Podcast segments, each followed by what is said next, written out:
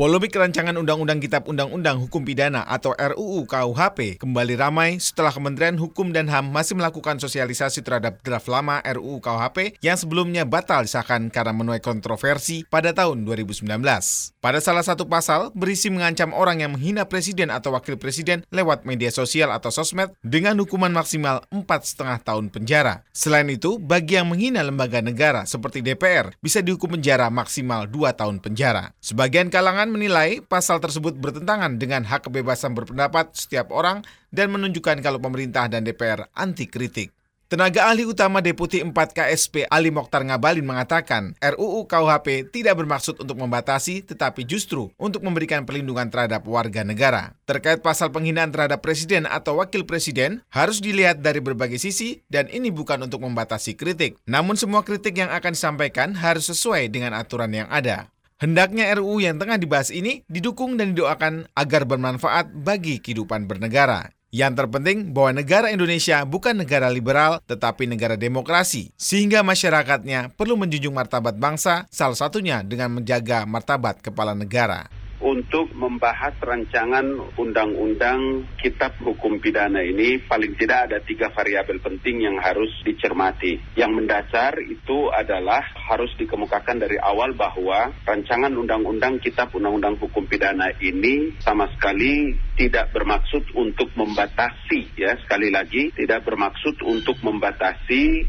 adanya kritik kepada presiden atau kepada pemerintah. Itu dulu yang paling pertama supaya nanti dialog kita ini akan bermakna. Yang kedua, jangan pernah ada orang yang melihat bahwa RUU KUHP ini dilihat dari sisi objek presidennya Joko Widodo.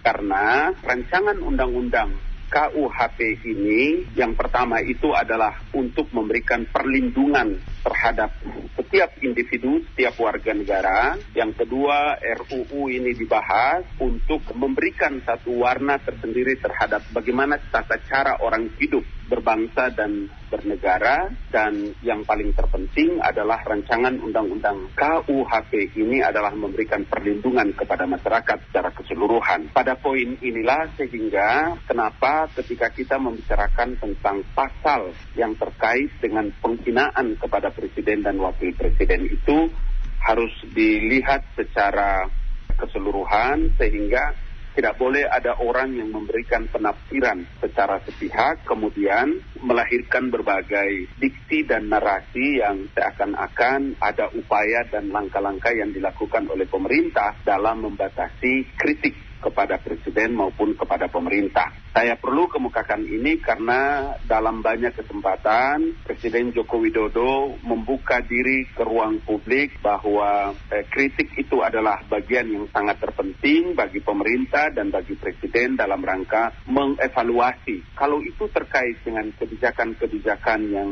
diambil oleh pemerintah atau presiden kemudian terasa merugikan kepentingan masyarakat banyak atau ada individu atau kelompok, maka eh, kritik itu menjadi bagian yang sangat terpenting untuk bisa tadi saya katakan melakukan evaluasi. Kedua, negara Republik Indonesia dari rujukan Undang-Undang Dasar tahun 1945 Undang-Undang dasar kita membuka ruang selebar-lebarnya. Negara memberikan jaminan untuk setiap orang memiliki kebebasan berpendapat, berkumpul, berserikat dalam menyampaikan pikiran dan pandangannya, baik secara internal maupun secara eksternal atau di ruang publik. Itu sebabnya dari Undang-Undang Dasar 1945 itu ada undang-undang turunannya. Umpama adalah ada Undang-Undang Nomor 9 yang menjelaskan tentang tata cara orang menyampaikan pendapat di ruang publik dan lain-lain sebagainya kita beri kesempatan kepada DPR dan kepada pemerintah, kemudian membahas dengan baik, kita iringi dengan doa agar rancangan undang-undang ini benar-benar bisa dibahas dengan baik, kemudian di masa-masa yang akan datang kita bisa mendapatkan satu manfaat bagi kehidupan berbangsa dan bernegara dalam hal memberikan perlindungan terhadap hak-hak warga negara maupun setiap individu. Kita ini kan bukan negara liberal, kita ini negara demokrasi. Kita menjunjung tinggi hak-hak dasar, kemudian demokrasi di tanah air, bagaimana sebuah negara besar ini kemudian tidak memberikan perlindungan terhadap kehormatan seorang kepala negara, presiden dan wakil presiden. Luar biasa.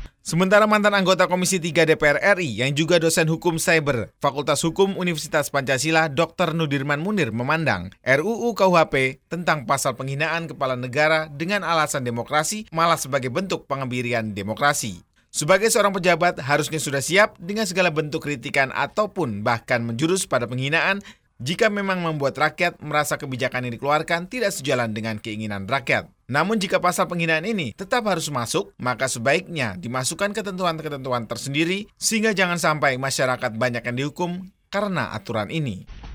Ya, memang ini jadi menarik ya karena ini termasuk menurut saya ya seperti penggebirian demokrasi lagi. Karena kenapa? Eh, kita sudah mengalami masa-masa yang cukup sulit lah di masa lalu di mana kita udah biasa aja untuk dicaci maki. Bahkan kadang-kadang dengan kata-kata yang tidak sopan, bahkan sudah mengarah kepada penghinaan. Uh, tahu misalnya sampai diibaratkan dengan kerbau dan dan sebagainya. Waktu itu mantan presiden kita Pak SBY. Lalu kalau kita sekarang masuk ke dalam ranah bahwa kepala negara dengan alasan menghormati, tentu nilai-nilai demokrasi sudah mulai kita pasung jadinya. Kenapa saya bisa bilang begitu? Karena setiap orang yang siap menjadi pemimpin masyarakat tentu tidak bisa dihindari ya adanya caci maki, ya, penghinaan dan sebagainya. Itu risiko jabatan. Nah sekarang kalau itu dilarang, ya berarti bahwa nilai demokrasi kita mengalami kemunduran. Ini pendapat saya mengenai penghinaan terhadap kepala negara, terhadap pejabat negara ini sudah berkali-kali dibahas di parlemen ya. Di paripurna juga menjadi polemik yang cukup menarik. Selalu alasan orang-orang tertentu yang mengendaki pasal ini harus masuk itu karena lambang negara. Karena presiden itu merupakan lambang negara. Saya nggak sependapat. Dari dulu juga saya nggak sependapat. Jadi oleh sebab itu, biarlah demokrasi ini tumbuh. Apalagi kita di negara yang terdiri dari ribuan suku. Ya bukan ratusan, ribuan suku di mana masing-masing suku punya cara sendiri-sendiri. Kadang-kadang kita sebut dia kasar, kadang-kadang malah terlalu lembut. Biarlah mereka itu berkembang memberikan kritikan kepada pemerintah demi kepentingan bangsa ini ke depan. Jangan sedikit-sedikit mereka dihantui harus masuk penjara. Hukum itu diperlukan bagi kepentingan masyarakat sehingga masyarakat itu tertib ya keadaan aman ya. Tapi juga jangan karena hukum itu akibatnya masyarakat tidak berkembang. Masyarakat menjadi dihantui ketakutan ya. Kita kayak hidup di zaman uh, Firaun misalnya misalnya ya. Apa-apa serba takut apa-apa serba salah. Nah itu yang jangan sampai terjadi. Karena ya presiden kita Jokowi juga sudah menyampaikan ya, kritikan itu sangat diperlukan oleh negara ini. Nah untuk itu banyak sekali orang-orang yang kadang-kadang nggak sengaja terpleset ngomong ya keterusan. Nah, kata-kata dengan sengaja itu mestinya harus dikembangkan di dalam peradilan. Sayangnya peradilan tidak mengembangkan kata-kata itu. Tetap aja orang itu harus dihukum. Oleh sebab itu, pasal dalam KUHP itu mestinya kalau itu dipaksakan juga harus masuk dengan klausula-klausula tertentu. Di mana pada akhirnya uh, ultimum remedium tadi, penghukuman terhadap mereka yang mengkritik pemerintah dengan keras yang dianggap sudah menada nadanya penghinaan ya, nadanya sudah kebun binatang ya, contoh monyet lo apa gitu ya. Itu ya harusnya dengan klausul tertentu bisa dihukum.